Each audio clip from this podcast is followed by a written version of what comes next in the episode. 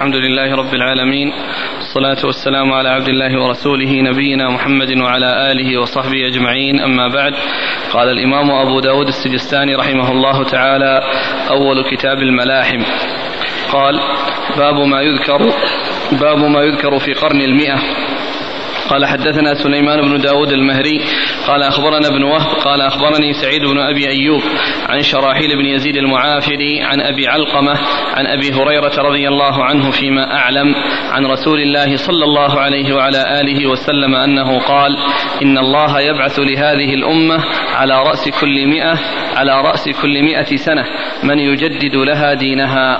قال أبو داود رواه عبد الرحمن بن شريح الإسكندراني لم يجز به شراحيل.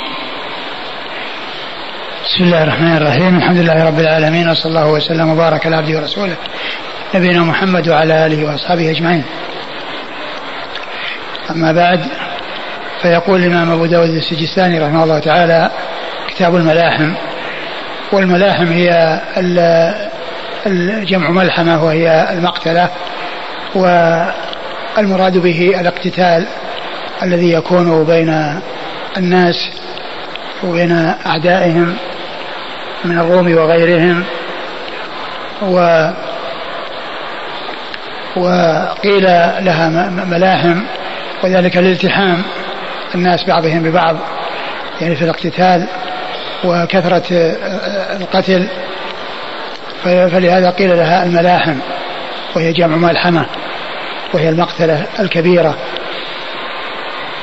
أورد أبو داود بعد ذلك باب في قرن المئة يعني آه يعني ما يعني ما جاءت به السنة من بيان أن الدين يكون تجديده على رأس كل مئة وأن الله يهيئ لهذه الأمة من يجدد لها دينها ويحصل آه، به بيان الحق ودفع الباطل ونصر الحق وأهله. والدفاع عن السنة وأهلها. أورد أبو داود حديث أبي هريرة رضي الله عنه أن النبي صلى الله عليه وسلم قال إن الله يبعث على رأس كل على رأس إن الله يبعث لهذه الأمة على رأس كل مئة سنة. إن الله يبعث لهذه الأمة على رأس كل مئة سنة من يجدد لها دينها.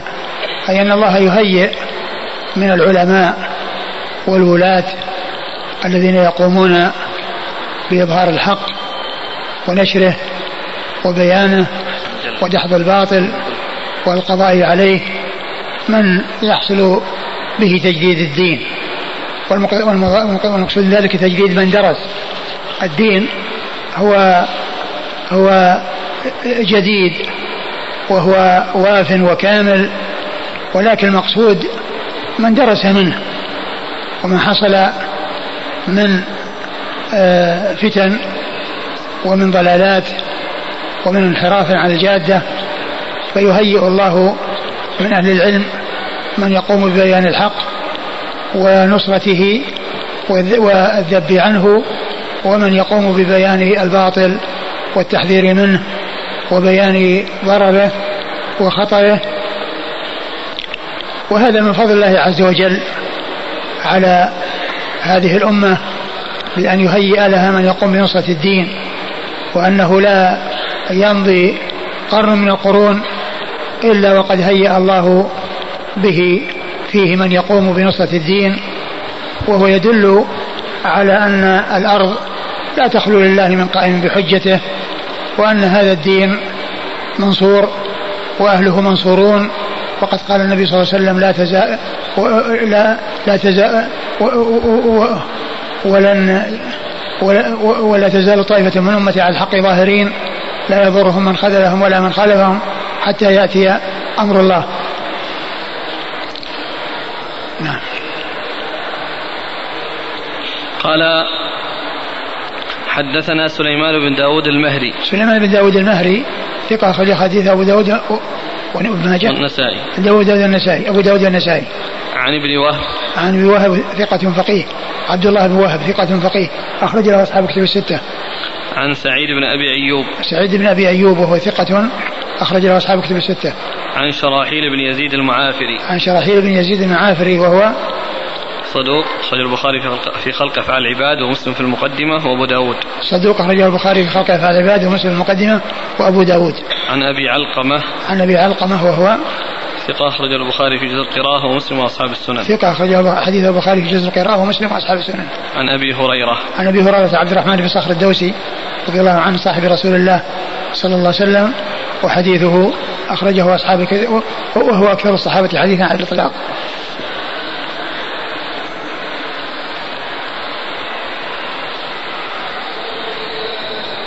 ما ذكره العظيم بادي في تعداد المجددين.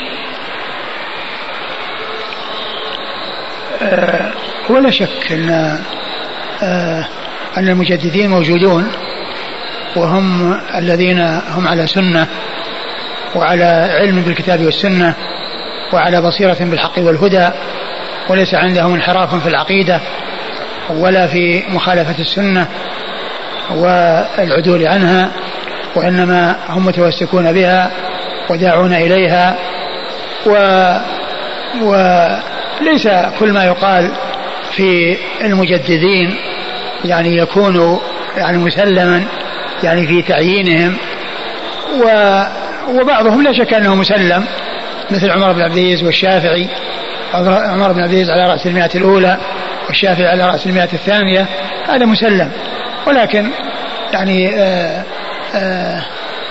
التسليم في كل ما يقال عن المجددين هذا ليس بمسلم. ثم إن كل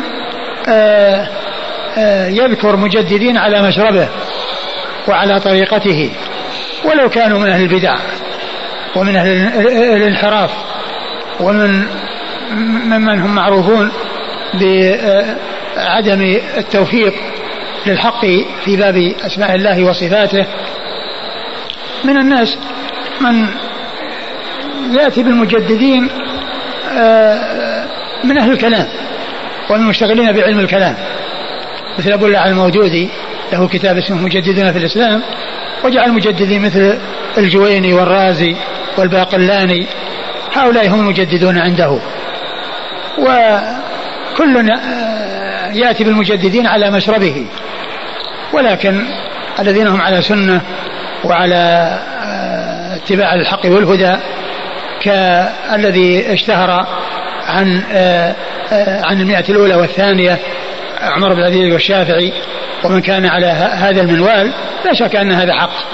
وأما وما وليس كل ما يقال عن المجددين يسلم به.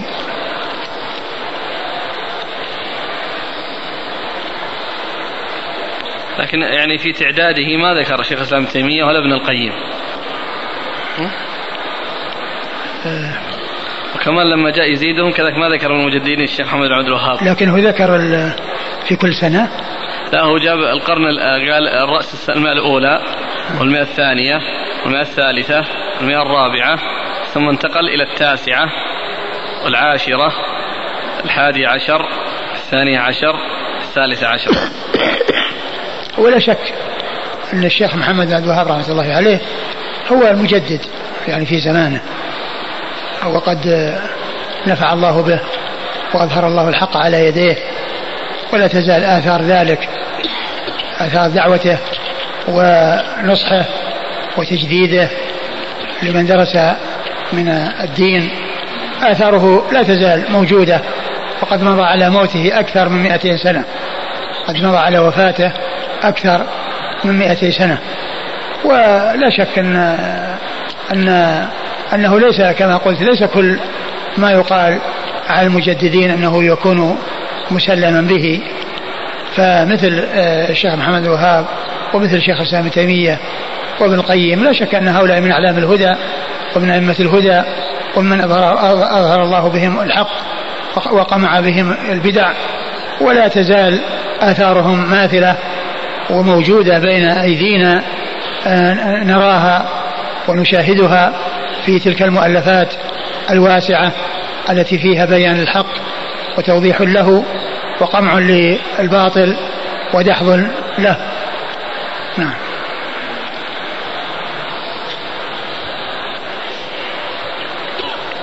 قال أبو داود رواه عبد الرحمن بن شريح الإسكندراني لم يجز به شراحيل.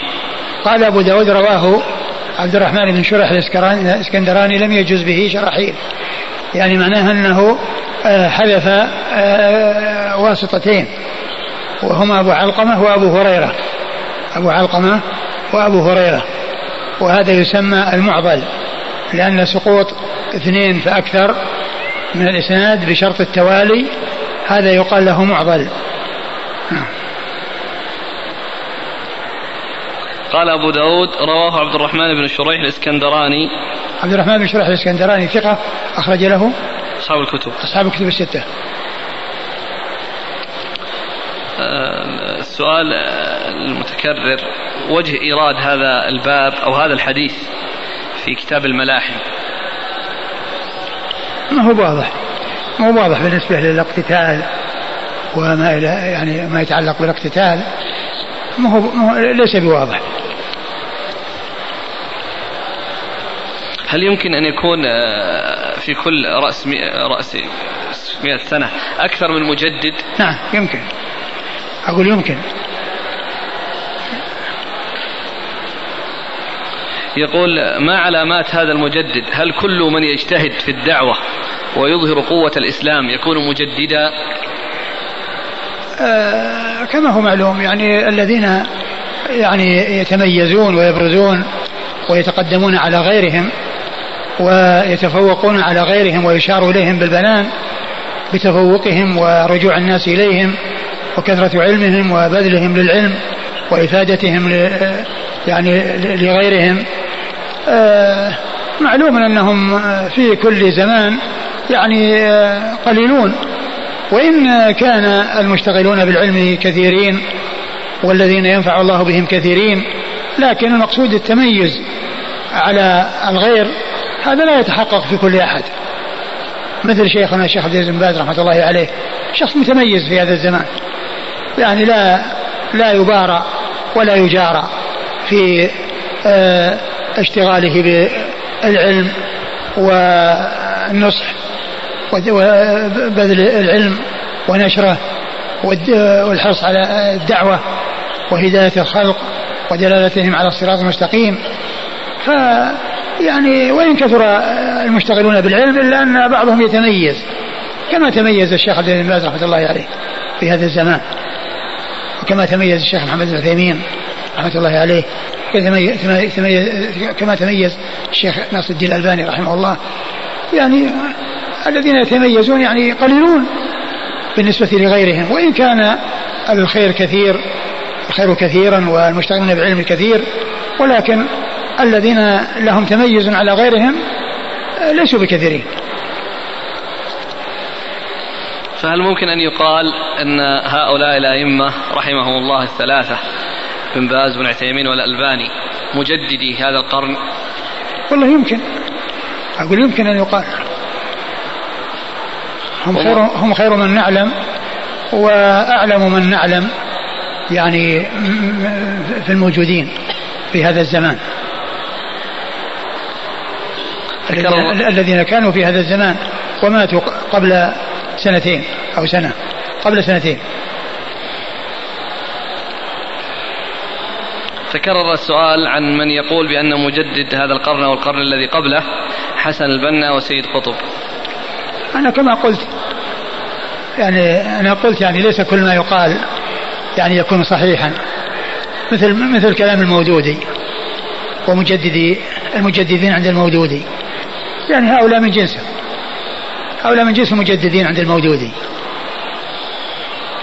هل من أحيا سنة من السنن قد اندثرت ونسيت يعد مجددا على هذا الاعتبار؟ لا لا يقال يعني سنة واحدة أو كذا ما يقال لأنه قد يوجد في بلد من البلدان من يكون هناك سنة اندثرت فيحييها لكن لا يقال أنه هو المجدد يعني الذي آه، ينطبق عليه الحديث لأنه لا يكون مجددا لمسألة واحدة أو لقضية واحدة اندثرت وإنما المقصود هو كثرة النفع وكثرة الخير والتبصير بالحق والهدى والتحذير من طرق الردى ومسالك الردى هل في الحديث دلالة على عدم خلو الأرض من مجتهد؟ نعم. هذا تدل على أن على أن أنه لا تخلو الأرض من قائم لله بحجته.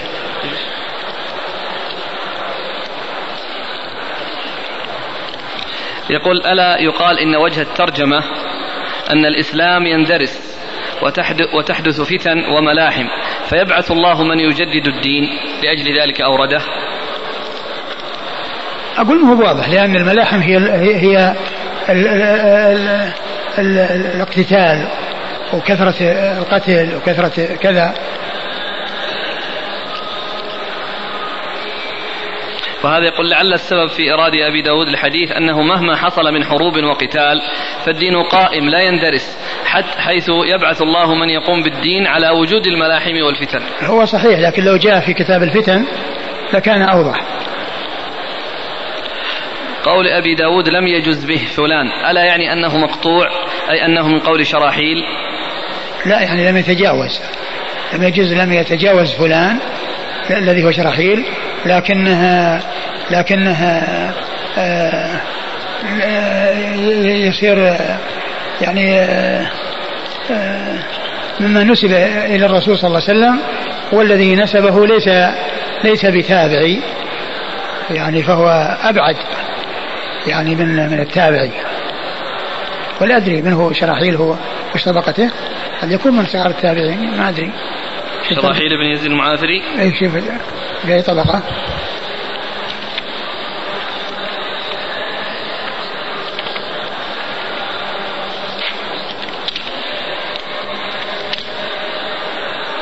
قال من السادسة مات بعد العشرين. من السادسة؟ يعني مات بعد العشرين.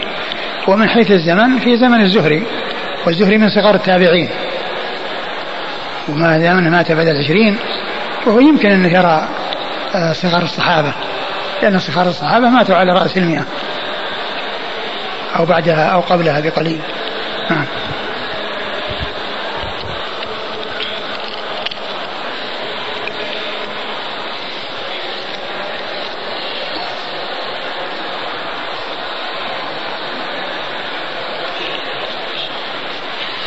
هل يمكن أن يكون تجديد جزئي؟ يعني يقال مجدد في المنطقة الفلانية أو البلد الفلاني دون أن يكون تجديد. يمكن يمكن. أقول يمكن أن يكون يعني يعني يجدد الدين في بلد من البلدان. و... ومعلوم أنه تعدد المجددين حاصل وأنه ممكن أن يكون يعني مثلا يكون متعددين ليس شخصا واحدا. وأن من أهل اليمن يقولون هل يمكن أن يقول الشيخ مقبل مجدد في الديار اليمنية؟ الشيخ مقبل فيه خير كثير ونفع الله تعالى به. وأما قضية التجديد هل هو من المجددين وهو فيه خير كثير ونفع الله تعالى به. لكن المجددين البارزين شيوخه. أقول شيوخه الشيخ بن باز. والشيخ ناصر الدين الألباني هؤلاء المجددون. قال رحمه الله شيوخنا وشيوخه. نعم. قال رحمه الله تعالى باب ما يذكر من ملاحم الروم. قال حدثنا الشيخ, الشيخ ناصر الدين الألباني ما درست عليه لكن استفدت من من علمه ومن كتاباته ومن يعني تحقيقاته. وتخريجاته وإنما درسنا على الشيخ بن باز. وأما الشيخ مقبل هو درس على الشيخ بن باز وعلى على على الألباني.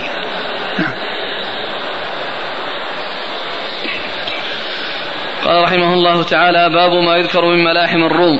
قال حدثنا النفيلي قال حدثنا عيسى بن يونس قال حدثنا الأوزاعي عن حسان بن عطية.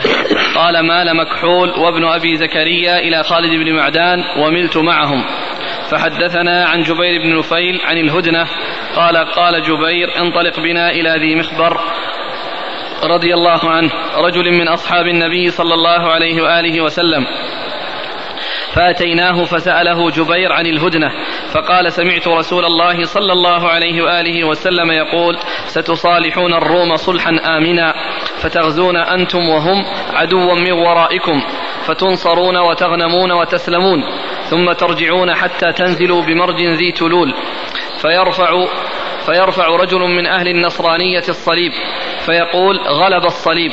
فيغضب رجل من المسلمين فيدقه. فعند ذلك تغدر الروم وتجمع للملحمة. ثم ورد أبو داود باب في قتال الروم. باب ما يذكر من ملاحم الروم. باب ما يذكر من ملاحم الروم. يعني الملاحم التي تكون بين المسلمين وبين الروم. وأورد أبو داود حديث ذي مخبر رضي الله تعالى عنه أن النبي صلى الله عليه وسلم قال إنها ستكون هدنة يعني صلح يعني بين المسلمين وبين الروم. فيقت آه، آه، تقاتل المسلمون والروم معهم عدوا فينتصرون على ذلك العدو ويغنمون ثم يرجعون وبينما هم في مكان إذ قال واحد من النصارى غلب الصليب فغضب رجل من المسلمين ودق الصليب وكسره فعند ذلك تغدر الروم وتترك الهدنة ويجمعون لقتال المسلمين. أعد المتن ستصالحون الروم صلحا آمنا. نعم. فتغزون أنتم وهم عدوا من ورائكم. نعم. فتنصروا فتنصرون وتغنمون وتسلمون. فتنصرون يعني على ذلك العدو. وتغنمون تحصلون غنائم وتسلمون من القتل. نعم. ثم ترجعون حتى تنزلوا بمرج ذي تلول. ثم ترجعون من ذلك العدو الذي انتصرتم عليه. وغنمتم منه حتى تكونوا في مرج والمرج هو المكان الذي فيه العشب وفيه الخصب. وذي تلول التلول هي الأماكن المرتفعة يعني مثل الرمال التي آه، تتجمع وتكون يعني مرتفعة عن وجه الأرض. ذي تلول جمع تل. نعم. فيرفع رجل من أهل النصرانية الصليب فيقول غلب الصليب. فيرفع رجل من أهل النصرانية من النصارى الصليب الذي يعبده آه، آه، الذي هو رمز يعني يعتبر رمز النصارى على عن عن عيسى الذي هو معبودهم ويعبدونه مع الله وهو ثالث ثلاثة فيقول انتصر الصليب وغلب الصليب فيغضب رجل المسلمين فيدق ذلك الذي رفعه ذلك الصليب الذي رفعه يكسره ويدقه حتى يكسره يكسره فعند ذلك تغضب الروم ويعني آه، يقدرون ويتركون العهد الذي بينهم وبين المسلمين. وتجمع للملحمة. وتجمع للملحمة يعني للاقتتال بينهم وبين المسلمين. من يحتمل أن يكون هذا العدو اللي يقاتله المسلمون مع الروم الله أعلم. قال حدثنا النفيلي. النفيلي عبد الله بن محمد النفيلي ثقة. أخرجه البخاري وأصحاب السنن. عن عيسى بن يونس. عن يونس عيسى بن يونس بن أبي إسحاق السبيعي ثقة أخرج له أصحاب كتب الستة. عن الأوزاعي. الأوزاعي عبد الرحمن بن عمرو الأوزاعي أبو عمرو ثقة فقيه أخرج له أصحاب كتب الستة. عن حسان بن عطية. عن حسان بن عطية وهو ثقة أخرجه أصحاب الكتب. نعم. أخرجه أصحاب الكتب الستة. عن خالد بن معدان. عن خالد بن معدان وهو ثقة. نعم أخرجه أصحاب الكتب. أخرجه أخرجه أصحاب الكتب الستة. عن جبير بن نفير. عن جبير بن نفير وهو ثقة أخرجه البخاري في جزء القراءة. البخاري في المفرد. البخاري في المفرد ومسلم وأصحاب السنن. عن ذي مخبر. عن ذي مخبر وهو صحابي أخرج أبو داود بن ماجه. صحابي أخرج أبو داود بن ماجه.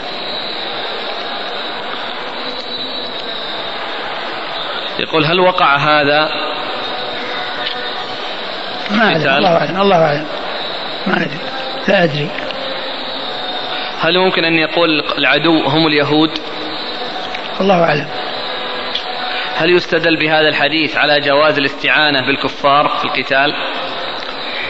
هذا ما يدل على يعني على وإنما يدل على حصول شيء ووقوع شيء. يعني إخبار عن أمر سيكون.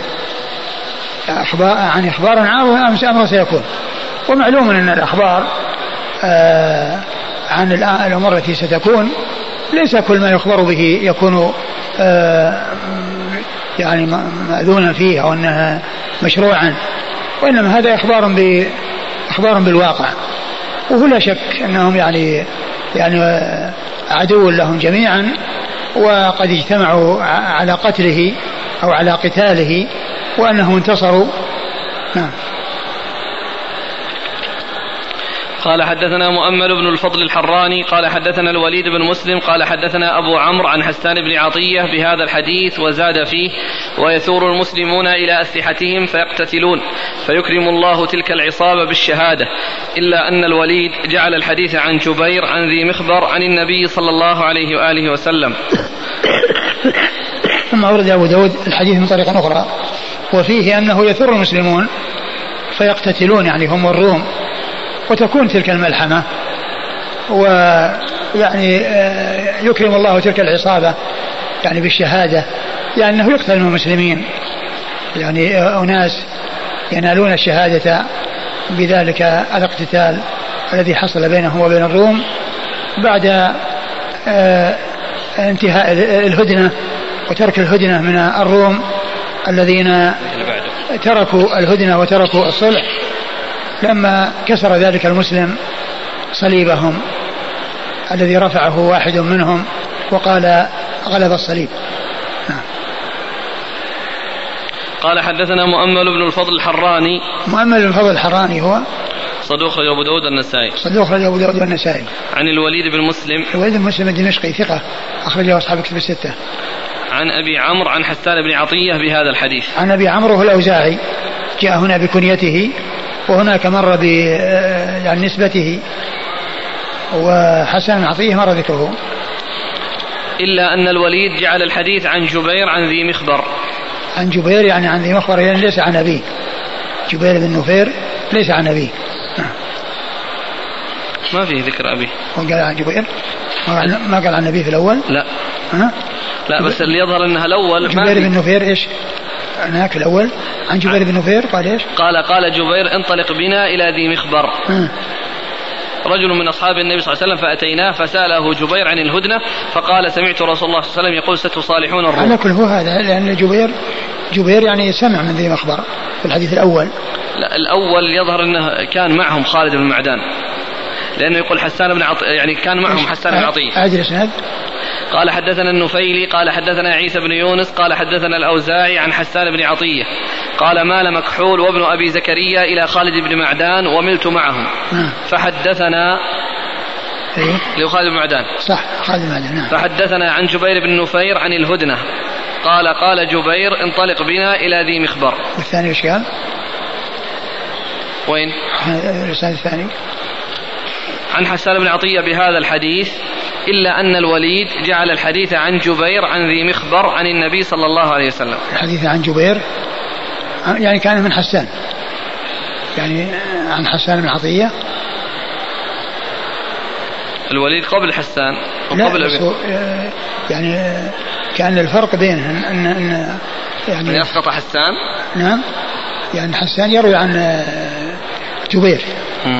يعني آه، ليس في خالد معدان. إلا إذا قلنا مش. هو ما يستقيم إلا بهذا ترك حذف خالد المعدان وإلا يكون ما بينه فرق. بحذف من يا شيخ؟ خالد المعدان لكن هو ما جعل قال جعل الوليد عن جبير جعل الوليد الحد... آه، أن الوليد جعل الحديث عن جبير عن ذي مخبر وهو عن جبير عن ذي مخبر الأول. والأول عن جبير عن ذي مخبر وش الإسناد؟ الإسناد الأول عن خالد معدان عن عن إيش؟ نعم لعله عن جبير عن خالد معدان عن عن ذي مخبر. عن ذي مخبر نعم. ما في جبير. إيه ما في جبير. نعم لأنه قال حسان مال مكحول وابن أبي زكريا إلى خالد بن معدان وملت معهم. نعم. فحدثنا عن جبير نفيل يقول فحدثنا. نعم ماله إلى خالد بن معدان. إيه. هذا حدثنا اللي خالد بن معدان. عن جبير بن عن جبير نعم. عن الهدنة. نعم. قال قال جبير انطلق بنا إلى ذي مخبر نعم. هو الثاني؟ والثاني إلا أنه جعله. إلا أن الوليد جعل الحديث عن جبير عن ذي مخبر عن النبي صلى الله عليه وسلم. نعم. يعني هناك آه، خالد المعدان يروي عن عن ذي مخبر. نعم. ما ما يستقيم لأنه قال فحدثنا عن جبير بن نفير. حدثنا الإسناد الأول. إيه يقول مال مكحول وابن مكحول، ابي إيه. زكريا مم. إلى خالد بن معدان وملت معهم. إيه، فحدثنا عن جبير صح. فحدثنا عن عن جبير جبير نعم صحيح. اذا إيش الفرق بينهم؟ هذا منها ك- كلهن كلها عن جبير بن نفير. أو كلها الأول والثاني. إيش إيش العباره إلا أنه قال إلا أنه وليد. إيه لا صدقتم صدقتم كما قال. آه. لأن قال فحدثنا عن جبير لكن جبير قال له انطلق بنا إلى ذي مخبر فصار هو مع جبير هو مع شيخه اسمعوا عن ذي مخبر اللي هو خالد. خالد يوم راح للجبير قال له انطلق بنا إلى مخبر ذي مخبر فصاروا اثنينهم يسمعون من الشيخ واحد نعم. الصحابي. آه. نعم. قال أبو داود ورواه روح ويحيى بن حمزة وبشر بن, ك... بن بكر عن الأوزاعي كما قال عيسى. كما قال عيسى في الطريق الأولى. نعم. آه. قال أبو داود ورواه روح. روح بن عبادة ثقة اخرجه أصحاب كتب الستة. ويحيى بن حمزة. يحيى بن حمزة. هو ثقة أخرجه أصحاب الكتب. ثقة اخرجه أصحاب كتب الستة. عن وب... وبشر بن بكر. وبشر بن بكر هو ثقة أخرجه البخاري وأبو داود النسائي بن ماجه. ثقة أخرج البخاري وأبو داود والنسائي بن ماجه. عن الأوزاعي كما قال عيسى. نعم. قال رحمه الله تعالى باب في أمارات الملاحم. قال حدثنا عباس العنبري قال حدثنا هاشم بن القاسم قال حدثنا عبد الرحمن بن ثابت بن ثوبان. عن أبيه عن مكحول عن جبير بن نفير عن مالك بن يخامر عن معاذ بن يخامر. ها؟ يخامر. بالفتح. بالفتح مكتوب؟ هي مضمومة لكن الحافظ. يقول بالفتح. وقال بالفتح؟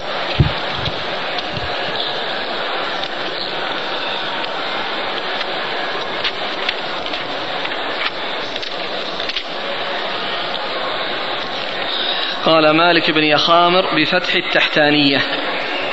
طيب يخامر. والمعجمة وكسر الميم. نعم. يقول هكذا كذا ضبطه المصنف ها هنا بفتح التحتانية وخالفه في الفتح. في شرح حديث فقال في الضم. 3641 فقال في الضم. فضبطه بضم التحتانية. مم، ومثله في المشارق للقاضي كما على هامش حاء. مم.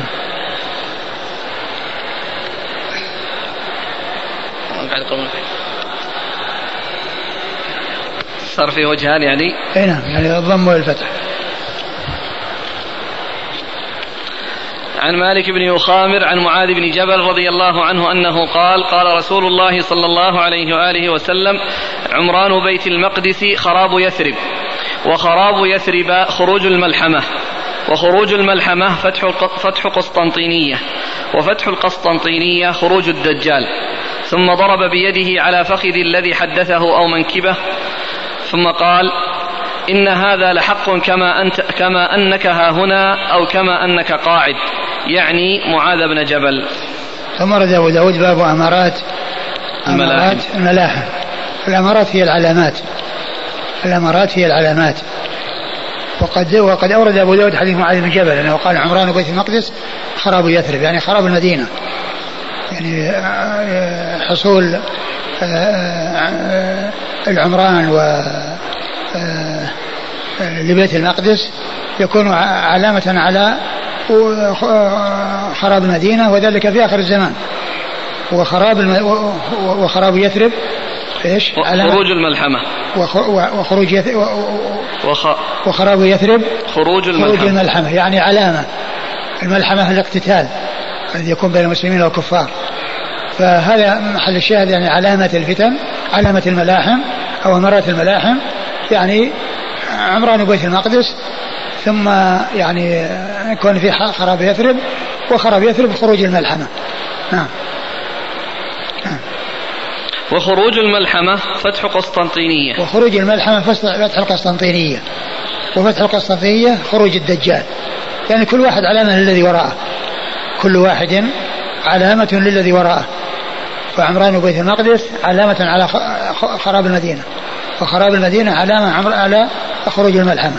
وخروج الملحمة علامة على آه، القسطنطينية. وفتح القسطنطينية علامة على خروج الدجال. وقد جاء في الأحاديث آه، أن أن أن المسلمين عندما يغزون القسطنطينية ويعلقون سيوفهم بالزيتون يأتيهم آت فيقول الشيطان إن الدجال خلفكم في أهليكم فيرجعون ويكون كذبا ثم يعني آه، يأتيهم الخبر على ذلك ويكون صدقا. فهذا قول فتح القسطنطينية خروج الدجال. نعم. ثم ضرب بيده على فخذ الذي حدثه أو منكبه. ثم ضرب بيده يعني يعني كأنها مقصوده الرسول صلى الله عليه وسلم. على فخذ الذي حدثه وهو معاذ.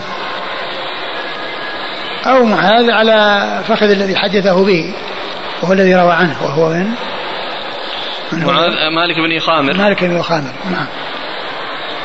ثم قال إن هذا لحق كما أنك ها هنا أو كما أنك قاعد. يعني هذا تأكيد لحصول هذا الخبر وأنه كما أنك ها هنا ووجودك لا شك فيه وكذلك أيضا كونك قاعد يعني أمامي يعني كما أنك وجودك أمامي حق فإن هذا الخبر حق. قال حدثنا عباس العنبري. وهذا مثل جزء قوله رب السماء والأرض إنه لحق مثل ما أنكم تنطقون نعم. قال حدثنا عباس العنبري. عباس بن عبد العظيم العنبري ثقة أخرج حديث البخاري تعليقا ومسلم وأصحاب السنة.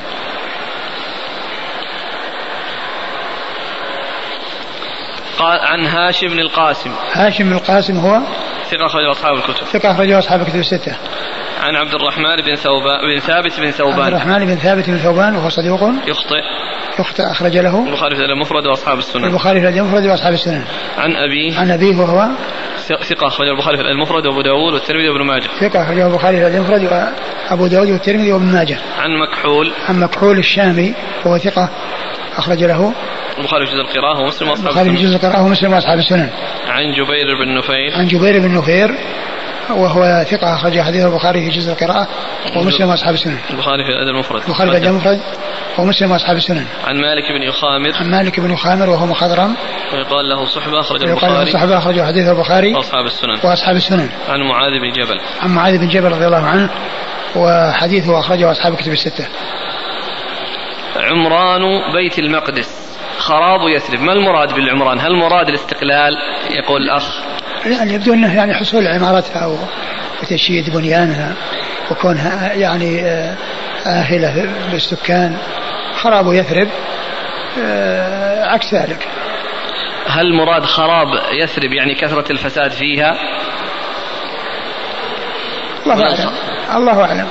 لكن يعني العمران إذا كان مقصود به العمران الحقيقي الذي هو التشييد تشييد البناء وكثرة آه، السكان فيكون يقابله يعني إهمال آه، إهمال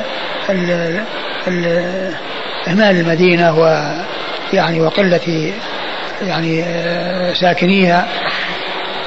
ويمكن أن يكون يعني يعني العمران يعني أيضا يكون ظهور الحق و وخلاف ذلك يعني في المدينة في ذلك الوقت.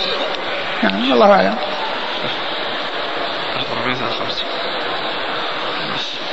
يثرب جاءت الأسئلة بكيف تسميتها يثرب ومع مجرد في النهي عنها. آه، هي كانت تسمى أو يسمونها يثرب ولكن آه، يعني الرسول ترك تسميتها ولأن يثرب يعني فيها يدل على معنى ما هو طيب وهو التثريب التثريب. معلوم أن القسطنطينية قد فتحت فهل هذا فتح آخر؟ هو الذي يبدو الذي يبدو أنه فتح آخر.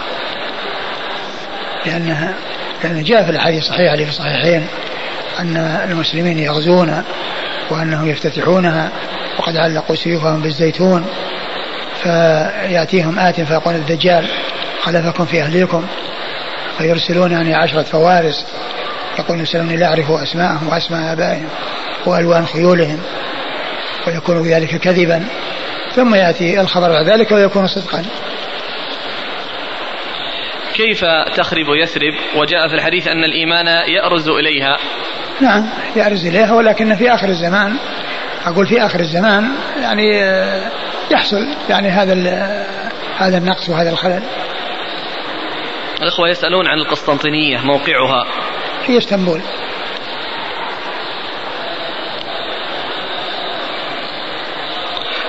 يقول يا شيخنا بما أن خراب المدينة وعمران القدس قدر قدر محتوم لا بد منه.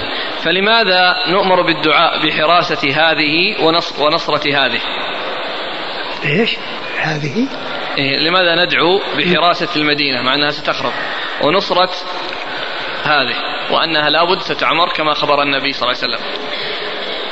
آه، أخبار النبي صلى الله عليه وسلم عن شيء لابد أن يكون وكوننا ندعو يعني لا ينفي أو لا يعني يخالف ما يحصل في آخر الزمان من خلل ونقص فيها.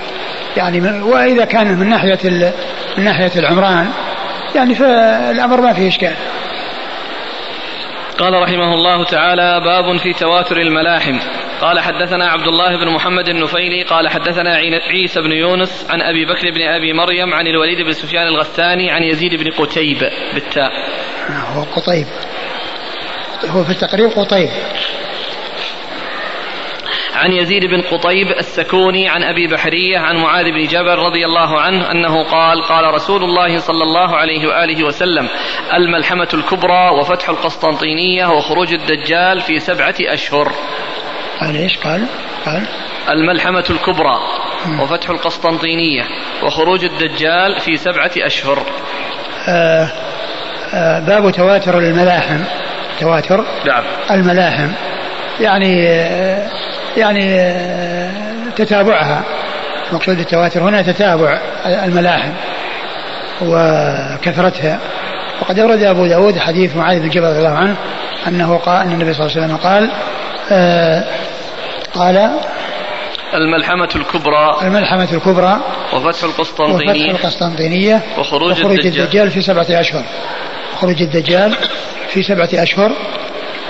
ومحل الشاهد من التواتر كون ذكر الملحمة الكبرى وفتح القسطنطينية لأنها كلها فيها فيها ملاحم لأنها كلها فيها قتال.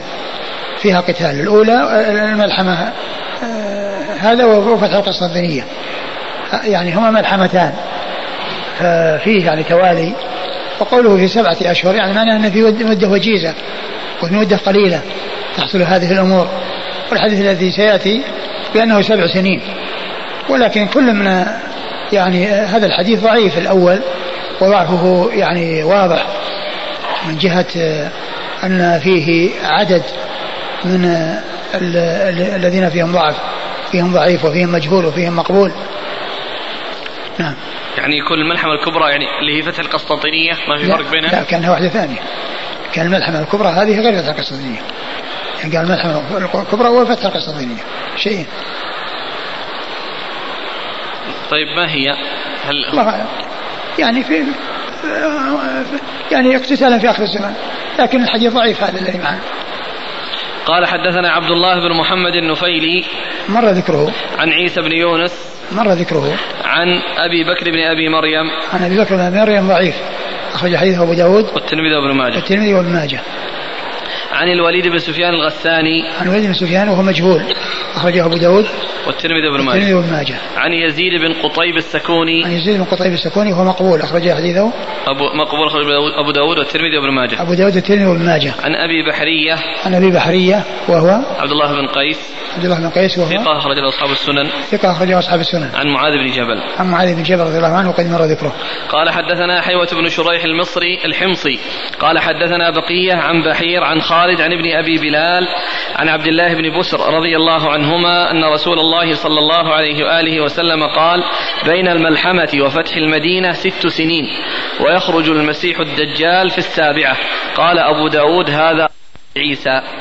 آه ثم ورد أبو داود حديث آه حديث عبد الله بن بسر حديث عبد الله بن بسر رضي الله تعالى عنهما أن النبي صلى الله عليه وسلم قال آه بين الملحمة وفتح المدينة. وفتح المدينة هي القسطنطينية. فتح المدينة يعني القسطنطينية. ست سنين. وفي السنة السابعة يخرج الدجال. في السنة السابعة يخرج الدجال. وهذا يخالف ذاك الذي تقدم من الأمور الثلاثة كلها في سبعة أشهر. أنها في سبعة أشهر. قال أبو داود هذا أصح من حديث عيسى. هذا أصح من حديث عيسى المتقدم. يعني الذي هو كون سبع سنين أصح من الذي هو سبعة أشهر. نعم. قال حدثنا حيوة بن شريح الحمصي. حيوة بن شريح الحمصي هو ثقة. أخرج البخاري وأبو داود والترمذي وابن ماجه. ثقة أخرجه البخاري وأبو داود والترمذي وابن ماجه. عن بقية. عن بقية بن الوليد وهو صدوق آه، أخرج حديثه. البخاري تعليقا أخرج ومسلم تعليقا وأصحاب- مسلم وأصحاب السنن. عن بحير. عن بحير بن سعد وهو ثقة ثقة رجل أخرج له البخاري في المفرد وأصحاب السنن. ثقة أخرجه البخاري في المفرد وأصحاب السنن. عن خالد عن ابن خالد بن أبي معدان مر ذكره. عن ابن أبي بلال. عن ابن أبي بلال وهو مقبول أخرج له أبو داود والترمذي مقبول أخرجه أبو داود والترمذي والنسائي. والنسائي. عن عبد الله بن بسر عن عبد الله بن بشر رضي الله عنه وحديثه أخرج له أصحاب الكتب. أخرجه أصحاب الكتب الستة. والحديث فيه بقية وهو مدلس وهو معنعن وفيه أيضا هذا المقبول الذي هو ابن أبي بلال. لكن لا شك هو أصح من ذاك. لأن ذاك يعني من حيث الإسناد يعني فيه ضعيف ومجهول ومقبول. وأما هذا فيه مدلس وفيه مقبول. فهو أصح. ولا يعني ذلك أنه يكون صحيحا لكنه أمثل وأحسن. وكما يقولون بعض الشرف من بعض. هل صحيح أن القسطنطينية قسم منها يفتح بالتكبير فيسقط منها قسم في البحر؟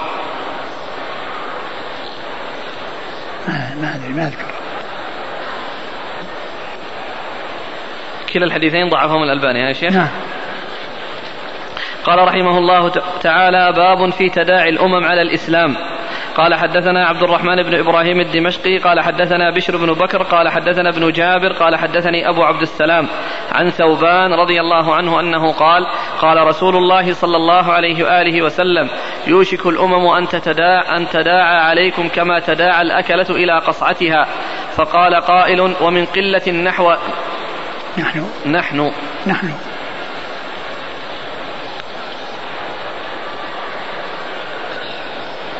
ومن قلة نحن يومئذ قال بل أنتم يومئذ كثير ولكنكم غثاء كغثاء السيل ولينزعن الله من صدور عدوكم المهابة منكم وليقذفن الله في قلوبكم الوهن فقال قائل يا رسول الله وما الوهن قال حب الدنيا وكراهية الموت ثم ورد أبو داود باب في تداعي الأمم على الإسلام تداعي الأمم على الإسلام تداعي الأمم على, على الإسلام يعني على أهل الإسلام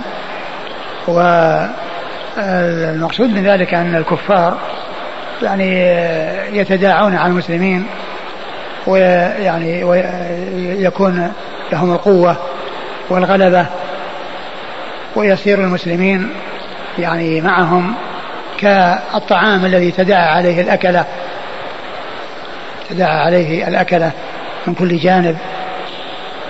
وقد أورد أبو داود حديث ثوبان. ثوبان رضي الله عنه مولى رسول الله عليه الصلاة والسلام. قال يوشك أن تتداعى عليكم الأمم كما تداعى الأكلة على قصعتها. الأكلة جمع آكل ككاتب وكتبة على قصعتها على الطعام الذي يعني يحيط به الأكلة ويتناولونه فيكون شأن المسلمين مثل ذلك الطعام الذي تداعى عليه أكلته. و على قصعتها فقال قائل ومن قلة نحن قال يومئذ قائل ومن قلة نحن يومئذ؟ يعني نحن قليل. يعني كونهم يتداعون علينا لقلتنا قال لا أنتم كثير ولكنكم غثاء كغثاء السيل يعني هذه الكثرة ما لها قيمة لا قيمة لها. والسبب في ذلك بلا شك هو عدم القيام بما أوجب الله عز وجل على الناس من إظهار الدين. و فتغلب عليهم الأعداء وخاف المسلمون من أعدائهم وكانوا مهيب هائبين بعد أن كانوا مهيبين. بعد أن كانوا مهيبين. كان الكفار يهابون المسلمين. ثم في ذلك الوقت كان المسلمين هم الذين يهابون الكفار. وهذا منطبق تماما على هذا الزمان. هذا واضح. مطابقة لهذا الزمان. المسلمون كثير. يعني ما عددهم كثير جدا ولكن ولكنهم مشتغلون بالدنيا وحريصون على الدنيا وخائفون من الموت وأعداؤهم هم يخافون من أعدائهم وأعداؤهم لا يخافون منهم. وهذا واقع في هذا الزمان تماما. لكن لا يعني أن أنه لا لا يحصل هذا إلا في هذا الزمان فقد يكون حصل في الماضي وكذلك يحصل في المستقبل. لكن المشاهد المعاين أن هذا هو الحاصل. نعم. إشكال؟ بل أنتم يومئذ كثير ولكنكم غثاء كغثاء السيل. غثاء كغثاء السيل. غثاء السيل ما له قيمة. نعم. ولا ينزعن الله من صدور عدوكم المهابة منكم. ولا ينزع الله ولا ينزعن الله من صدور عدوكم المهابة منكم. يعني آه لا يكون لكم هيبة. نعم. ولا يقذفن الله في قلوبكم الوهن. ولا يقذفن الله في قلوبكم الوهن. ثم سئل عن الوهن فقال حب الدنيا وكراهية الموت. حب الدنيا وكراهية الموت. نعم. قال حدثنا عبد الرحمن بن إبراهيم الدمشقي. عبد الرحمن بن إبراهيم الدمشقي هو الملقب دحيم وهو ثقة. أخرج له البخاري وأبو داود والنسائي بن ماجه. البخاري وأبو داود والنسائي بن ماجه. عن بشر بن بكر عن ابن جابر. عن بشر بن بكر مر ذكره. نعم. عن جابر. ابن جابر. عن ابن جابر وهو عبد الرحمن بن يزيد بن جابر. بن يزيد بن جابر وهو ثقة. أخرج له أصحاب الكتب. أخرجه أصحاب الكتب الستة. عن أبي عبد السلام. عن أبي عبد السلام وهو قال الحافظ أنه لا يعرف اسمه مجهول. أخرجه أبو داود. وليس كما قال أنه نعم. ذكر المنذر أنه صالح بن رستم الهاشمي مولاه نعم. قال وليس هو. فإنه لا يعرف هذا رجل آخر لا يعرف اسمه مجهول أخرجه أبو داود. اللي يقول من؟ الحافظ. لأن الحافظ لما جاء في الكنى عند أبي عبد السلام المنذر إيش قال يقول أنه اسمه صالح بن رستم الهاشم وهو مجهول كذلك حتى هذا. نعم. أخرج له أبو داود. لكن الحافظ يقول لما جاء إلى صالح بن رستم قال آه، وهو غير أبي عبد السلام الذي روى عن ثوبان على الصحيح.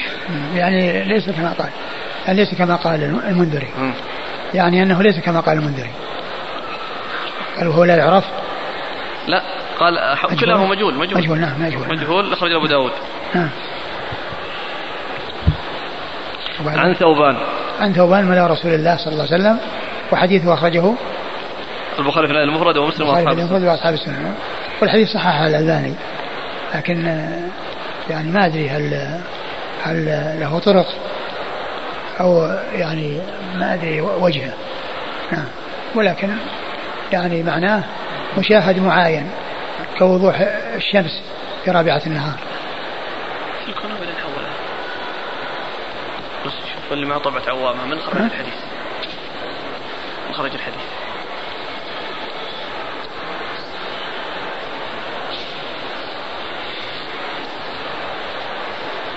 يعني هذا كأنه انفرد به أبو داود من الكتب ما ذكروا في التخريج يعني أصحاب الكتب الستة. ها؟ أقول يعني كان هذا مما انفرد به أبو داود. الحديث؟ إيه. ها؟ لأنهم ما ذكروا في التخريج الكتب المطبوعة اللي حولنا. ما عزوا إلى أحد. أيه هو الذي رواه أبو داود هذا اللي هو عبد السلام؟ أبو عبد السلام رواه أبو داود. نعم. وحده. إذا ما يكون تصحيح إلا يمكن بالشواهد ولا بالمتابعات نعم ما يضبط نعم. نعم. يقول هل ينطبق هذا الحديث أو يكون معروف. أو يكون أبو عبد السلام هذا اللي مجهول معروف. نعم. يقول هل ينطبق هذا الحديث على المسلمين في الوقت الحاضر؟ هذا هو الكلام الذي قلته الآن. قال رحمه الله تعالى باب في المعقل من الملاحم. قال حدثنا هشام بن عمار قال حدثنا يحيى بن حمزة قال حدثنا ابن جابر قال حدثني زيد بن أرطاه قال سمعت جبير بن نفير يحدث عن أبي الدرداء رضي الله عنه أن رسول الله صلى الله عليه وآله وسلم قال إن فسطاط المسلمين يوم الملحمة بالغوطة إلى جانب مدينة يقال لها دمشق من خير مدائن الشام. ثم ذكر أبو داود رحمه الله هذه ترجمة باب معقل المسلمين. باب في المعقل من الملاحم. في المعقل من الملاحم. المعقل يعني الذي فيه المعتصم أو الذي فيه الأمن أو السلامة يعني من الملاحم يعني. ثم أورد أبو داود حديث. أبي الدرداء. أبي الدرداء قال إن فسطاط المسلمين يوم الملحمة بالغوطة. إن فسطاط المسلمين يوم الملحمة بالغوطة يوم الملحمة بالغوطة قرب إلى جانب مدينة يقال لها دمشق. إلى جانب مدينة يقال لها دمشق. انتهى؟ من خير مدائن الشام. من خير مدائن الشام يعني هذه المدينة التي هي دمشق. وقوله يعني فسطاط المسلمين يعني كأنه قوة قوة المسلمين و يعني أن في ذلك الوقت يعني يكون في الشام. نعم. أظن الاسم هذا لا زال موجود إلى الآن. ها؟ الاسم هذا الغوطة. اي نعم غوطة دمشق نعم. موجود. قال حدثنا هشام بن عمار هشام بن عمار صدوق خرج هذا البخاري وأصحاب السنن عن يحيى بن حمزة. يحيى بن حمزة مر ذكره. عن ابن جابر عن زيد بن أرطاه. زيد بن أرطاه هو ثقة أخرج أبو داود والترمذي والنسائي. ثقة أخرج أبو داود والترمذي وابن ماجه. وابن النسائي. عن جبير بن نفير عن أبي الدرداء. جبير بن نفير مر ذكره وأبو الدرداء وعويمر وهو صحابي أخرجه أصحاب كتب الستة. قال أبو داود حدثت عن ابن وهب قال حدثني جرير بن حازم عن عبيد الله بن عمر عن نافع عن ابن عمر رضي الله عنهما قال قال رسول الله صلى الله عليه وآله وسلم يوشك المسلمون أن يحاصروا إلى المدينة حتى يكون أبعد مسالحهم سلاح. ثم ورد أبو داود حديث ابن عمر رضي الله عنهما يوشك أن يكون أن يحاصر المسلمون يوشك المسلمون أن يحاصروا إلى المدينة. يوشك المسلمون أن يحاصروا إلى المدينة حتى يكون أبعد أبعد مسالحهم مصالحهم سلاح. سلاح. هذا الحديث سبق أن مر سبق أن مر قريبا. وهنا قال حدثت وهناك إيش الإسناد اللي راح؟ الأول إيه. حدثنا هشام بن عمار عن عن هشام بن عمر نعم. وهنا قال حدثت. وهناك بين أن الذي حدث حدثت هناك أنا حسبت السؤال تسأل عن الأول. الإسناد اللي قبله. الاسناد الأول. في كذلك حدثت ها؟ كلها. حدثت حتى ذاك؟ نعم. حدثت نعم نعم. ذك- ذكرنا أن ال- أن الألباني صحح الحديث. نعم مثله ما ما تغير مثله. الاسناد ونفس الإسناد؟ اي ونفس الإسناد؟ اي لكن قلنا انه أخرجه ال- الحاكم في المستدرك. اي هو وسمى وسمى وسمى أحمد أظنه بن أي مرة نعم. قريناه في ال- إلا نعم. طب ما هو في عون المعبود؟ لا. ها؟ صحح الشيخ في المشكاة.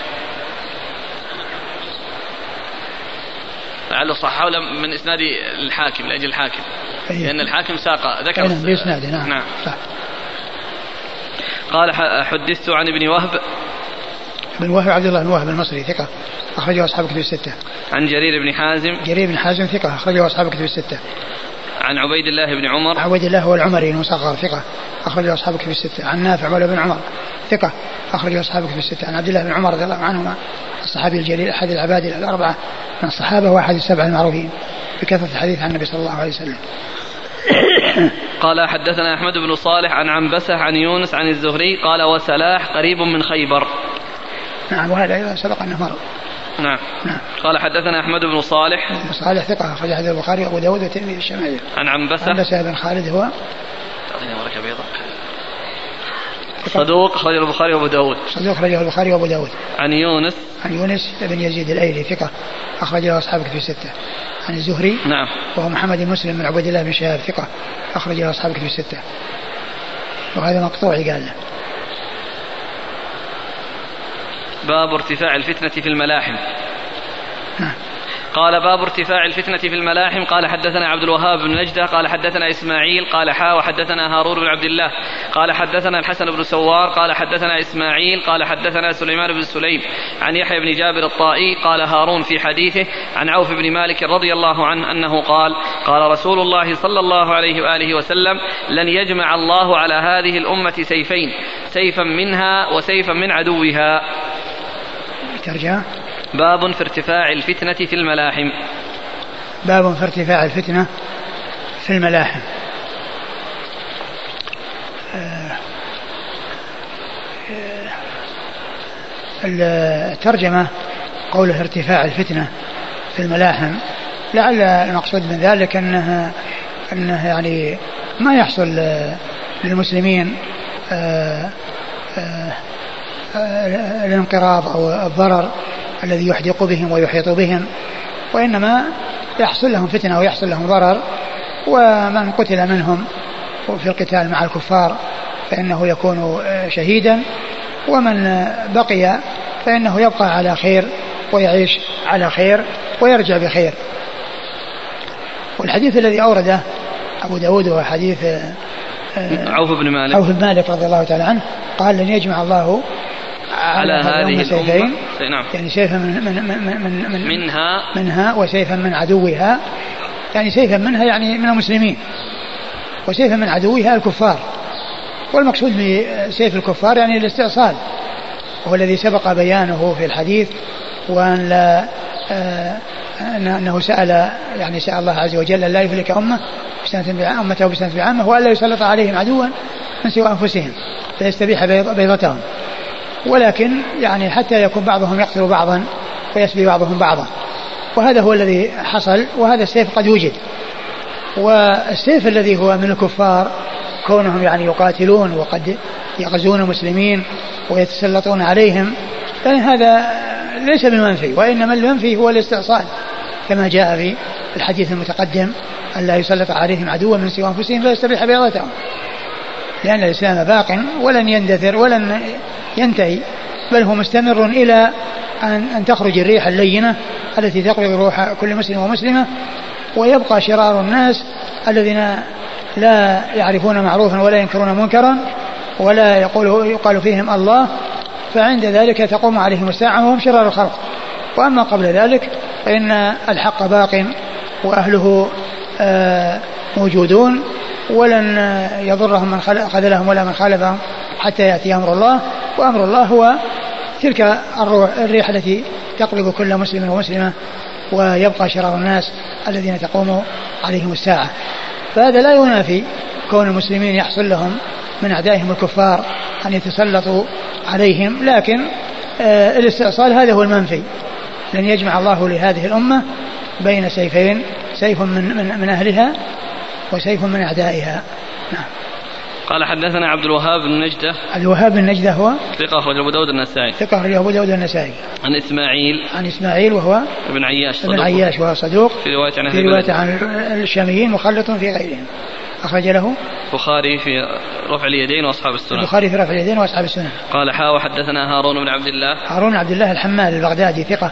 أخرجه مسلم وأصحاب السنن. عن الحسن بن سوار. الحسن بن سوار وهو صدوق أخرجه أبو داود النسائي صدوق أخرجه أبو داود والنسائي. وأبو داود والترمذي والنسائي. أخرجه أبو داود والترمذي والنسائي. عن إسماعيل عن سليمان بن سليم. سليمان بن سليم هو ثقة أخرجه أصحاب السنن. ثقة أخرجه أصحاب السنن. عن يحيى بن جابر الطائي. عن يحيى بن جابر الطائي وهو ثقة اخرج البخاري في المفرد ومسلم وأصحاب السنن. ثقة أخرجه البخاري في المفرد ومسلم وأصحاب السنن. قال هارون في حديثه عن مال عن عوف بن مالك. عوف بن مالك رضي الله عنه صحابي اخرج له اصحاب الكتب. نعم. أخرجه أصحاب الكتب الستة. والله تعالى أعلم وصلى الله وسلم وبارك على عبده ورسوله نبينا محمد وعلى آله وأصحابه أجمعين. جزاكم الله خيرا وبارك الله فيكم. شفاكم الله نفعنا الله ما قلتم. الحديث تتداعى الأكل على قصعتها. يفيد الأخ بأنه موجود في السلسلة الصحيحة. 956 وكذلك في المشكاة. جزاكم الله خيرا. بسم الله الرحمن الرحيم. الحمد لله رب العالمين والصلاة والسلام على عبد الله ورسوله نبينا محمد وعلى آله وصحبه أجمعين أما بعد. قال الإمام أبو داود السجستاني رحمه الله تعالى باب في النهي عن تهيج الترك والحبشة.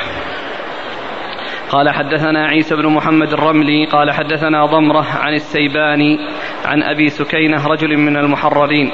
عن رجل من أصحاب النبي صلى الله عليه وآله وسلم عن النبي صلى الله عليه وعلى آله وسلم أنه قال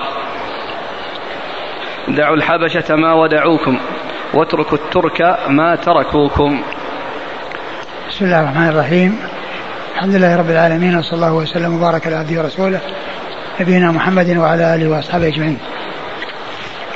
أما بعد فيقول الإمام أبو داود السجستاني رحمه الله تعالى باب النهي عن تهييج عن تهييج الترك والحبشة. باب النهي عن تهييج الترك والحبشة. الترك هم جيل من الناس في الجهة الشرقية آه، وردت في الأحاديث صفاتهم وأنهم عراض الوجوه وصغار العيون وذلف الأنوف وجوههم كأنها المجان المطرقة و وليس المقصود بهم ما اشتهر في هذا الزمان من الأتراك في تركيا وأن هذا هو المقصود بالترك. قد يكون هؤلاء من جملتهم ولكن المقصود بهم يعني خلق من الناس كثير هذه صفاتهم وهم في الجهة الشرقية هم في الشرق. ولهذا يأتي في الكتب يعني يذكرون يعني في بعض التراجم وهو من الترك وهو من بلاد الترك. والمقصود من ذلك الجهة الشرقية. وليس المقصود بذلك هذه المنطقة التي يطلق عليها الآن أنها تركيا. والحبشة هم أيضا جيل من الناس في أفريقيا وفي أولها وهي بلد النجاشي. و الترجمة في تهييج. وتهييج يعني معناها الإثارة. تهييج المقصود به الإثارة. وتهييج الترك يعني والحبش أو الحبشة يعني إثارتهم. وقد أورد أبو داود حديث رجل من أصحاب النبي صلى الله عليه وسلم أنه قال اتركوا الترك ما تركوكم ودعوا الحبشة ما ودعوكم. اتركوا الترك ما تركوكم ودعوا الحبشة ما ودعوكم والترك والودع بمعنى واحد. قوله وكل وقد جاء يعني ذكر آه، الترك أو ذكر الترك مع الترك اتركوا الترك ما تركوكم. ودعوا الحبشة ما ودعوكم يعني معناه اتركوهم ما تركوكم. وودع فعل ماضي ومضارعه يدع وأمره دع وهو قليل الاستعمال الذي هو الماضي. وأما المضارع والأمر فهو كثير. الأمر والماء المضارع من ودع كثير وأما الماضي فهو قليل. وقد أورد على هذا بعض أهل العلم ما جاء في القرآن وما جاء في السنة من قتال الكفار والأمر بقتالهم مطلقا وهذا فيه آه الأمر بتركهم ما تركوا وكونهم يعني آه يتركون ما تركوا أي مدة تركهم أي ما داموا تاركين لكم. وإذا اعتدوا عليكم أو حصل منهم شيء فالدفاع أو الدفاع هذا أمر مطلوب. قالوا أن أن هذا مخصص لما جاء في النصوص الدالة على قتال الكفار مطلقا وذلك لشدة بأسهم وقوتهم وحقدهم الشديد على المسلمين.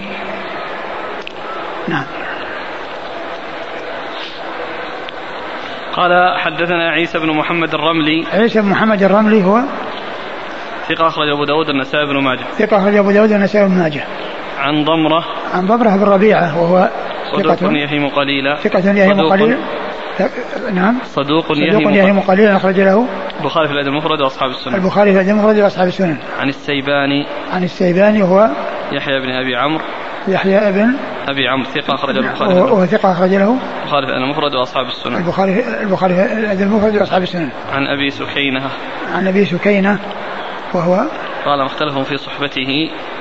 مختلف في صحبته و مختلف في صحبته يعني هو صحابي أو غير صحابي. وقد ذكر الشيخ الألباني أنه روى عنه ثلاثة من التابعين أخرج له. أبو داود والنسائي. أبو داود والنسائي. عن رجل من أصحاب النبي صلى الله عليه وسلم. عن رجل من أصحاب النبي صلى الله عليه وسلم وهو مبهم غير معين. ومعلوم أن أصحاب رسول الله عليه الصلاة والسلام رضي الله تعالى عنهم وأرضاهم المجهول فيهم في حكم المعلوم. ليسوا كغيرهم يحتاجون إلى معرفة أحوالهم ومعرفة آه، ثقتهم أو عدالتهم عدالتهم أو ضعفهم. لا يحتاج أن ينظر فيهم لأن الله تعالى أثنى عليهم وأثنى عليهم رسوله صلى الله عليه وسلم وهم لا يحتاجون مع ثناء الله عز وجل وثناء رسوله عليه الصلاة والسلام إلى توثيق الموثقين وتعديل المعدلين ولهذا آه، سار العلماء على أن الشخص إذا كان معروفا بالصحبة يكتفون بأن يقولوا صحابي فلا يتكلمون عنه ولا يبينون شيئا عن حاله وإنما يكفيه شرفا أن يقال إنه صحابي صحب رسول الله صلى الله عليه وسلم. وإذا كان له منقبة وفضيلة خاصة كأن يكون بدريا أو من أهل بيعة الرضوان أو أي صفة من الصفات التي هي زيادة فضل فإنهم يضيفون إلى الصحبة. ما يوضح ذلك بأن يقولوا صحابي شهد بدرا أو صحابي من أهل بيعة الرضوان أو ما إلى ذلك. أما أن يقال عنه ثقة أو ما إلى ذلك فهذا لا يوجد. ولا وليس من من دأب العلماء المصنفين في الرجال أن يقولوا عن صحابي أنه ثقة لأن من وثقه الله ورسوله ومن أثنى عليه أثنى الله أثنى عليه من أثنى عليه الله ورسوله لا يحتاج إلى توثيق الموثقين وتعديل المعدلين بعد الثناء العظيم من الله من الله عز وجل ومن رسوله الكريم صلوات الله وسلامه وبركاته عليه. ولهذا لا تضر الجهالة فيهم. فإذا قيل عن رجل من أصحاب النبي عليه الصلاة والسلام أو عن رجل صاحب النبي عليه الصلاة والسلام فإن ذلك كاف في الاعتماد على ذلك القول إذا كان الإسناد إليه صحيحا. إذا كان الإسناد إليه صحيحا لا يؤثر جهالته. أما من دون الصحابي فجهالته تؤثر. فجهالته تؤثر. ولهذا ذكر الخطيب البغدادي في الكفاية أن كل راو من الرواة في الإسناد لا بد من معرفة حاله ولا بد من معرفة ثقته وعدالته أو ضعفه. إلا أصحاب الرسول صلى الله عليه وسلم فإنهم لا يحتاجون إلى ذلك. نعم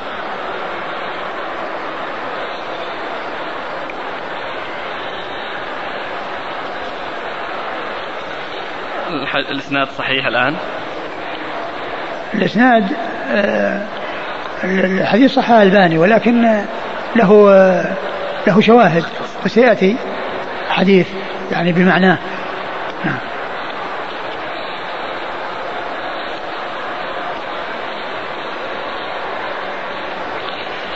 قال رحمه الله تعالى باب في قتال الترك.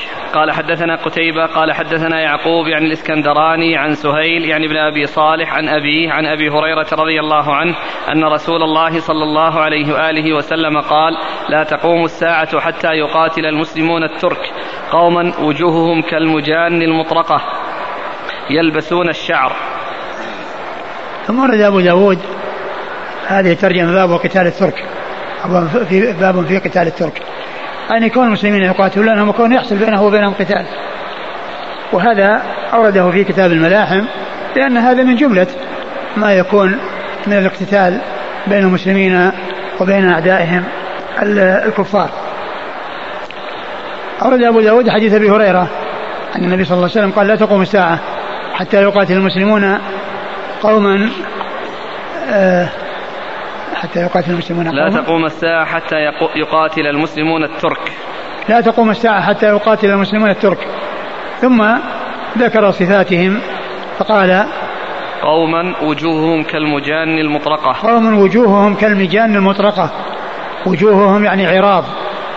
وفيها نتوء كالمجان المطرقة. المجان المجان هو الترس الذي يوضع للوقاية من السهام. وهو آه، جمع مجن.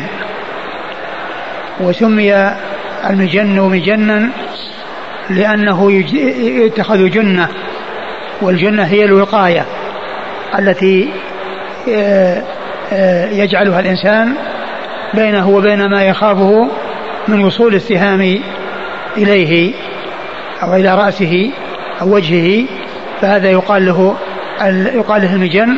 والجمع المجان والمطرقة قيل إنه أنها يعني يكون عليها جلد أو أنه يضاف إليها جلد فيكون يعني ذلك المجن العريض مع وجود الجلود التي تغطى بها وتكسى بها أنها فيها نتوء يعني نتوء يعني وجناتهم و وهذا فيه أو هذا الحديث فيه بيان شيء من صفاتهم وسيأتي بعض صفاتهم الأخرى في الأحاديث التي بعد هذا. يلبسون الشعر. يلبسون الشعر. قيل أن المقصود أنهم يلبسون الشعر يعني في أرجلهم اللي هي النعال التي فيها الشعر وكذلك الثياب أو اللباس وذلك لأن لأن بلادهم باردة فهم بحاجة إلى استعمال الصوف والشعر من أجل حصول الدفء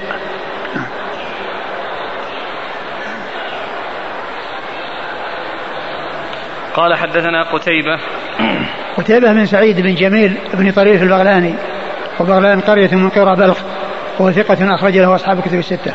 عن يعقوب يعني الإسكندراني. عن يعقوب بن عبد الرحمن الإسكندراني وهو ثقة أخرج حديث البخاري ومسلم وأبو ومسلم. أخرج أصحاب الكتب إلا ابن ماجه. أخرج أصحاب الكتب الستة إلا ابن ماجه. عن سهيل. عن سهيل بن أبي صالح. وهو صدوق أخرج له أصحاب الكتب الستة. ورواية آه، البخاري عنه مقرونة. نعم. عن أبيه عن أبيه أبو صالح. السمان. واسمه ذكوان ولقبه السمان. ويقال الزيات. لأنه كان يجلو الزيت. والسمن فلهذا قيل له الزيات والسمان نسبة إلى مهنة بيع السمن والزيت وهو ثقة أخرج له أصحاب الكتب الستة. عن أبي هريرة عبد الرحمن بن صخر الدوسي صاحب رسول الله عليه الصلاة والسلام وأكثر الصحابة حديثا على الإطلاق رضي الله عنه وأرضاه. نعم. قال حدثنا قتيبة وابن السرح وغيرهما قالوا حدثنا سفيان عن الزهري عن سعيد بن المسيب عن أبي هريرة رضي الله عنه رواية. قال ابن السرح أن النبي صلى الله عليه وآله وسلم قال لا تقوم الساعة حتى تقاتلوا قوما نعالهم الشعر ولا تقوم الساعة حتى تقاتلوا قوما صغار الأعين ذلف ذلف الأنوف. الأنف كأن وجوههم المجان المطرقة. ثم ورد أبو داود حديث أبي هريرة نعم. رضي الله عنه من طريق أخرى ويقول فيه النبي صلى الله عليه وسلم لا تقوم الساعة حتى تقاتلون قوما نعالهم, نعالهم الشعر. يعني أنهم يعني يتخذون النعال من آه، من الجلود وشعرها عليها. يعني ليس يعني معنى أنها لا تدبر بحيث يزال شعرها بل يكون شعرها باق عليها نعالهم الشعر و ولا, تقا ولا تقوم الساعة حتى تقاتلوا قوما صغار الأعين.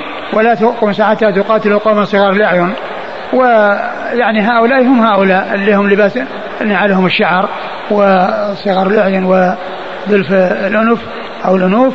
يعني هؤلاء هم هؤلاء لأنه سبق أن مر في الحديث السابق أنهم وجوههم كالمجال المطرقة وأن لباسهم الشعر. فما جاء من قوله لا تقوم الساعة تقاتل قوما أو تقاتل قوما ليس يعني أن هؤلاء صنف وأولئك صنف وإنما هم صنف آخر. ولكنه ذكر آه ذكر القوم أولا بتلك الصفة التي هي النعال وذكرهم أيضا بتلك الصفة التي هي قوله صغار. صغار الأعين. صغار الأعين. نعم. ذلف الأنف. ذلف الأنف. يعني قيل بذلف الأنف التي آه، يعني فيها غلظ مع انبطاح فيها يعني ليست بارزة. يعني وإنما فيها يعني آه، انبطاح. يعني بمعنى أنها يعني ليس فيها بروز. يعني فهم أنوفهم يعني غير بارزة وغير ظاهرة. يعني آه وسبق أن مر بنا يعني ذكر بعض الصفات في الحسنة في الأنوف وهذه يعني صفات غير مستحسنة وغير حسنة في الأنوف. نعم. كأن وجوههم المجان المطرقة. كأن وجوههم المجان المطرقة وقد مر هذا.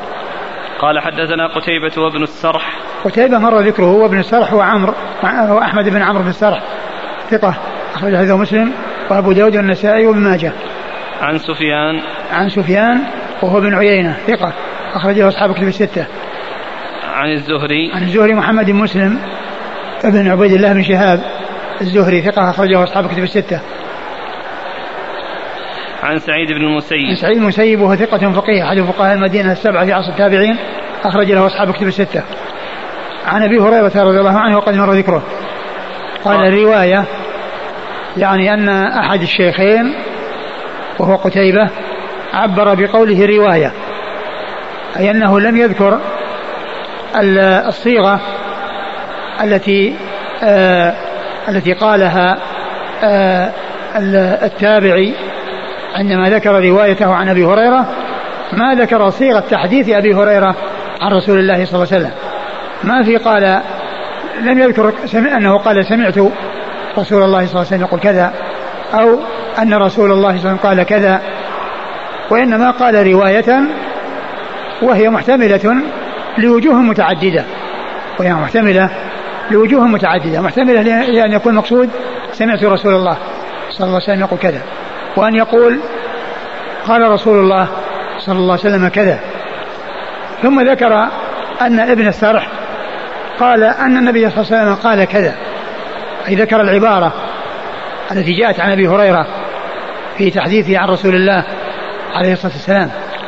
وهذا من عناية المحدثين ودقتهم والمحافظة على الألفاظ لأنه لما ذكر رواية شيخين ذكر أبو داود رواية من طريق الشيخين له ذكر عند ذكر الصحابي آه، ما قاله التابعي الذي روى عن الصحابي من ذكر الصيغة فعند قتيبة قال أنه قال رواية وأما ابن سرح فقال أنه أن أن أن أنه أي أبا هريرة قال قال قال رسول الله صلى الله عليه وسلم كذا.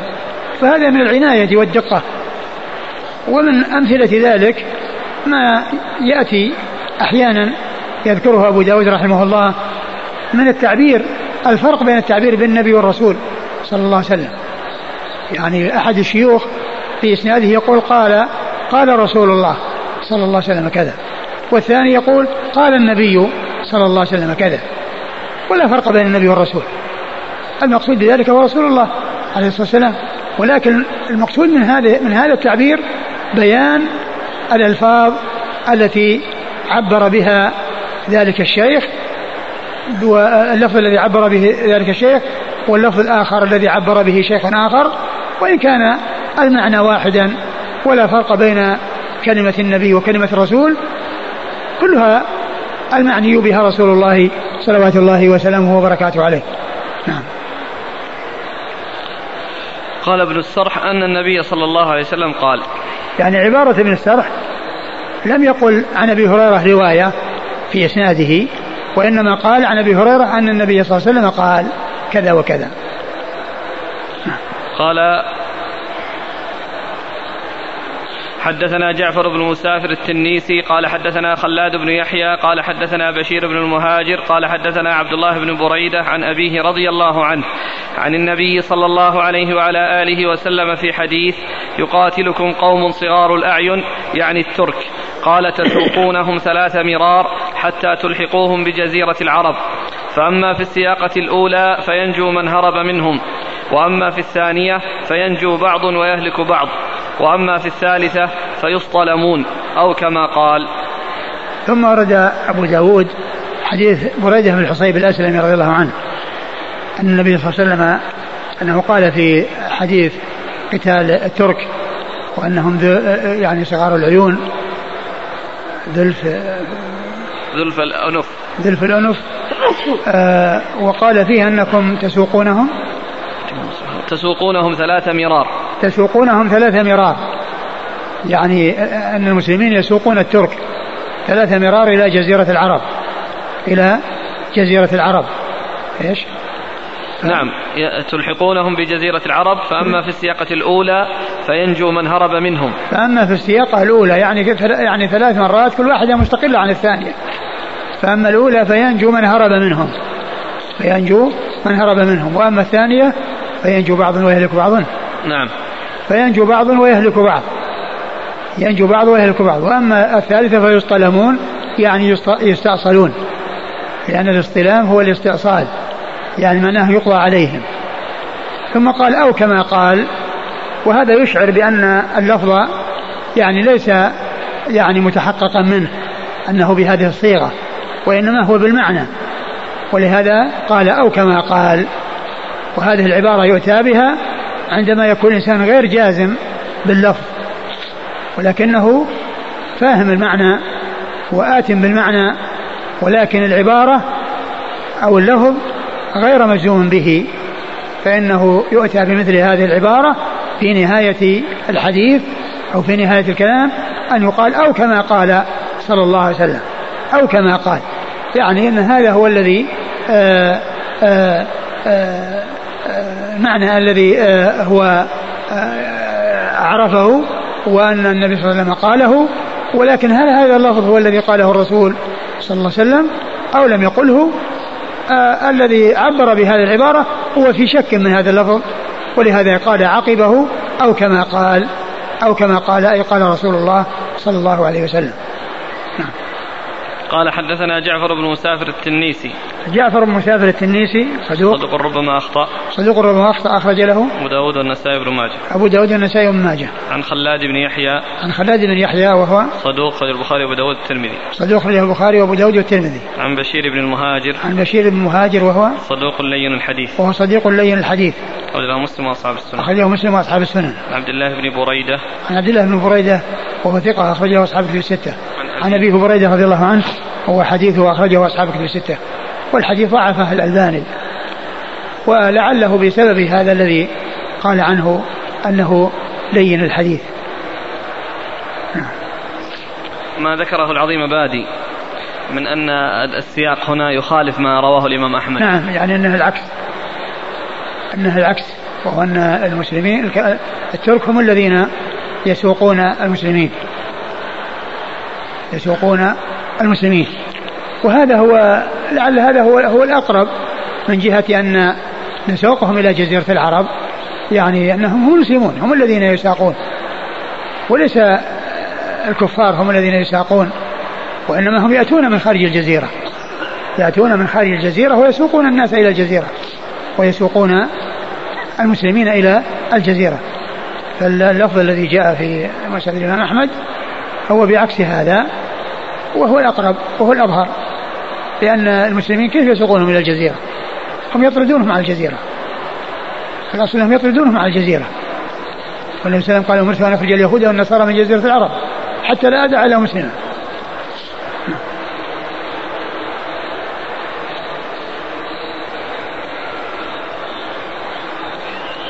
هل هذه الصفات تنطبق المقصود بهم يأجوج ومأجوج؟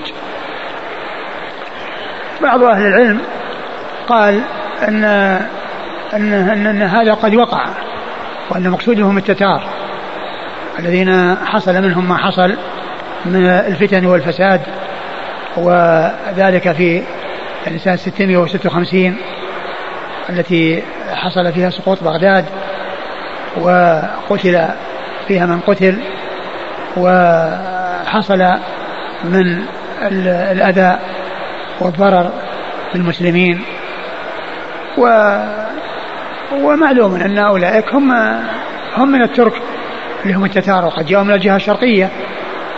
فيحتمل أن يكون ذلك مما مما يعنيه الحديث ويحتمل أن يكون شيء آخر يكون أيضا في آخر الزمان. والله تعالى أعلم.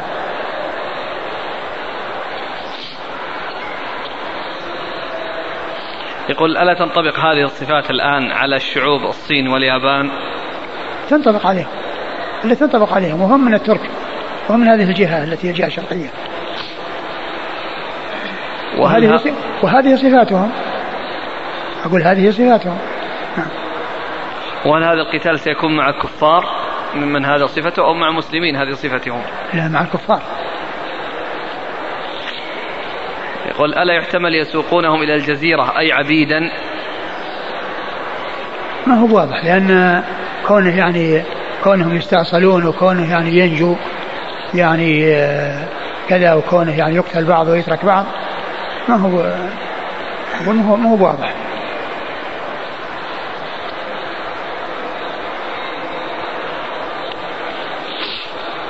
قال رحمه الله تعالى باب في ذكر البصرة قال حدثنا محمد بن يحيى بن فارس قال حدثنا عبد الصمد بن عبد الوارث قال حدثني أبي قال حدثنا سعيد بن جمهان قال حدثنا مسلم بن أبي بكرة قال سمعت أبي رضي الله عنه يحدث أن رسول الله صلى الله عليه وآله وسلم قال ينزل ناس من أمتي بغائط يسمونه البصرة عند نهر يقال له دجلة يكون عليه جسر يكثر أهلها وتكون من أمصار المهاجرين.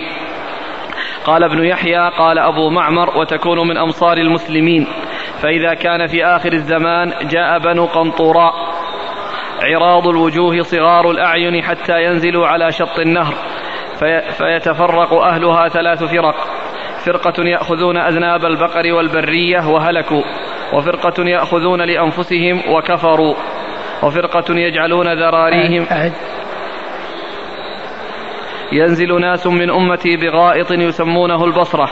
نعم. عند نهر يقال له دجلة. نعم. يكون عليه جسر يكثر أهلها وتكون من أمصار المهاجرين. قال ابن يحيى قال أبو معمر وتكون من أمصار المسلمين. فإذا كان في آخر الزمان جاء بنو قنطوراء. عراض الوجوه صغار الأعين حتى ينزلوا على شط النهر. فيتفرق أهلها ثلاث فرق. فرقة يأخذون أذناب البقر والبرية وهلكوا وفرقة يأخذون لأنفسهم وكفروا وفرقة يجعلون ذراريهم خلف ظهورهم ويقاتلونهم وهم الشهداء. ثم رد أبو داود هذا هذا الحديث حديث باب في ذكر البصرة. لا باب في ذكر البصرة.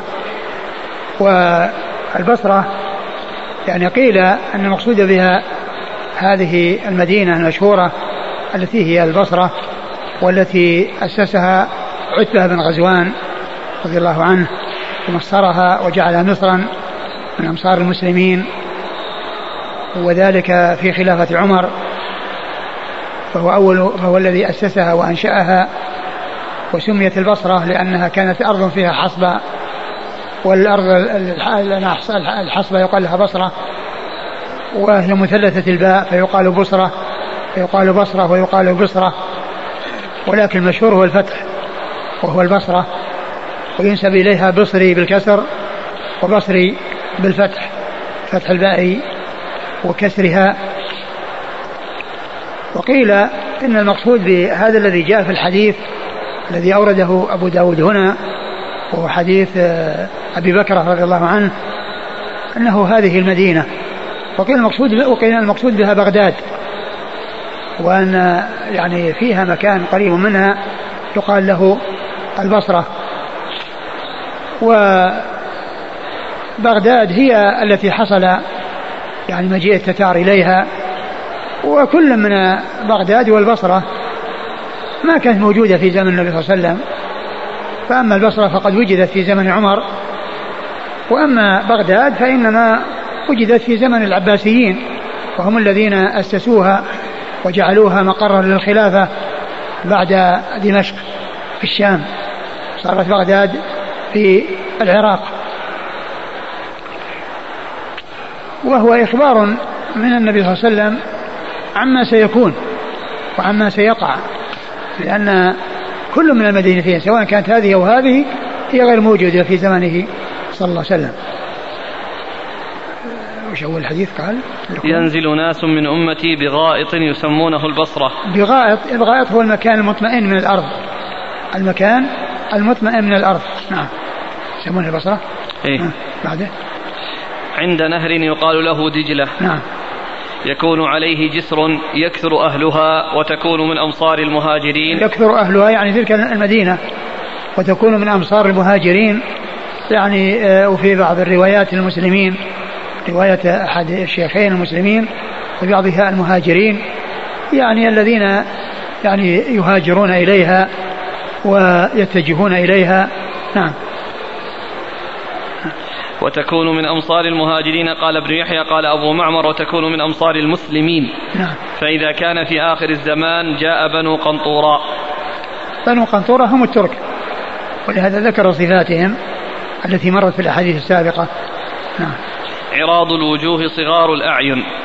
عراض الوجوه صغار الأعين نعم. حتى ينزلوا على شط النهر. نعم. فيفترق فيتفرق أهلها ثلاث فرق. يعني أهلها أهل البصرة أو هذه المدينة ثلاث فرق. فرقة يأخذون أذناب البقر والبرية. يعني فرقة يأخذون أذناب البقر والبرية.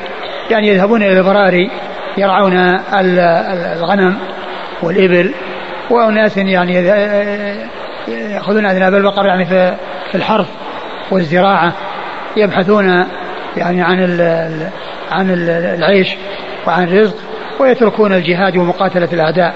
نعم. وقسم وفرقة يأخذون لأنفسهم وكفروا. اللي قال في الشرح؟ يأخذون لأنفسهم؟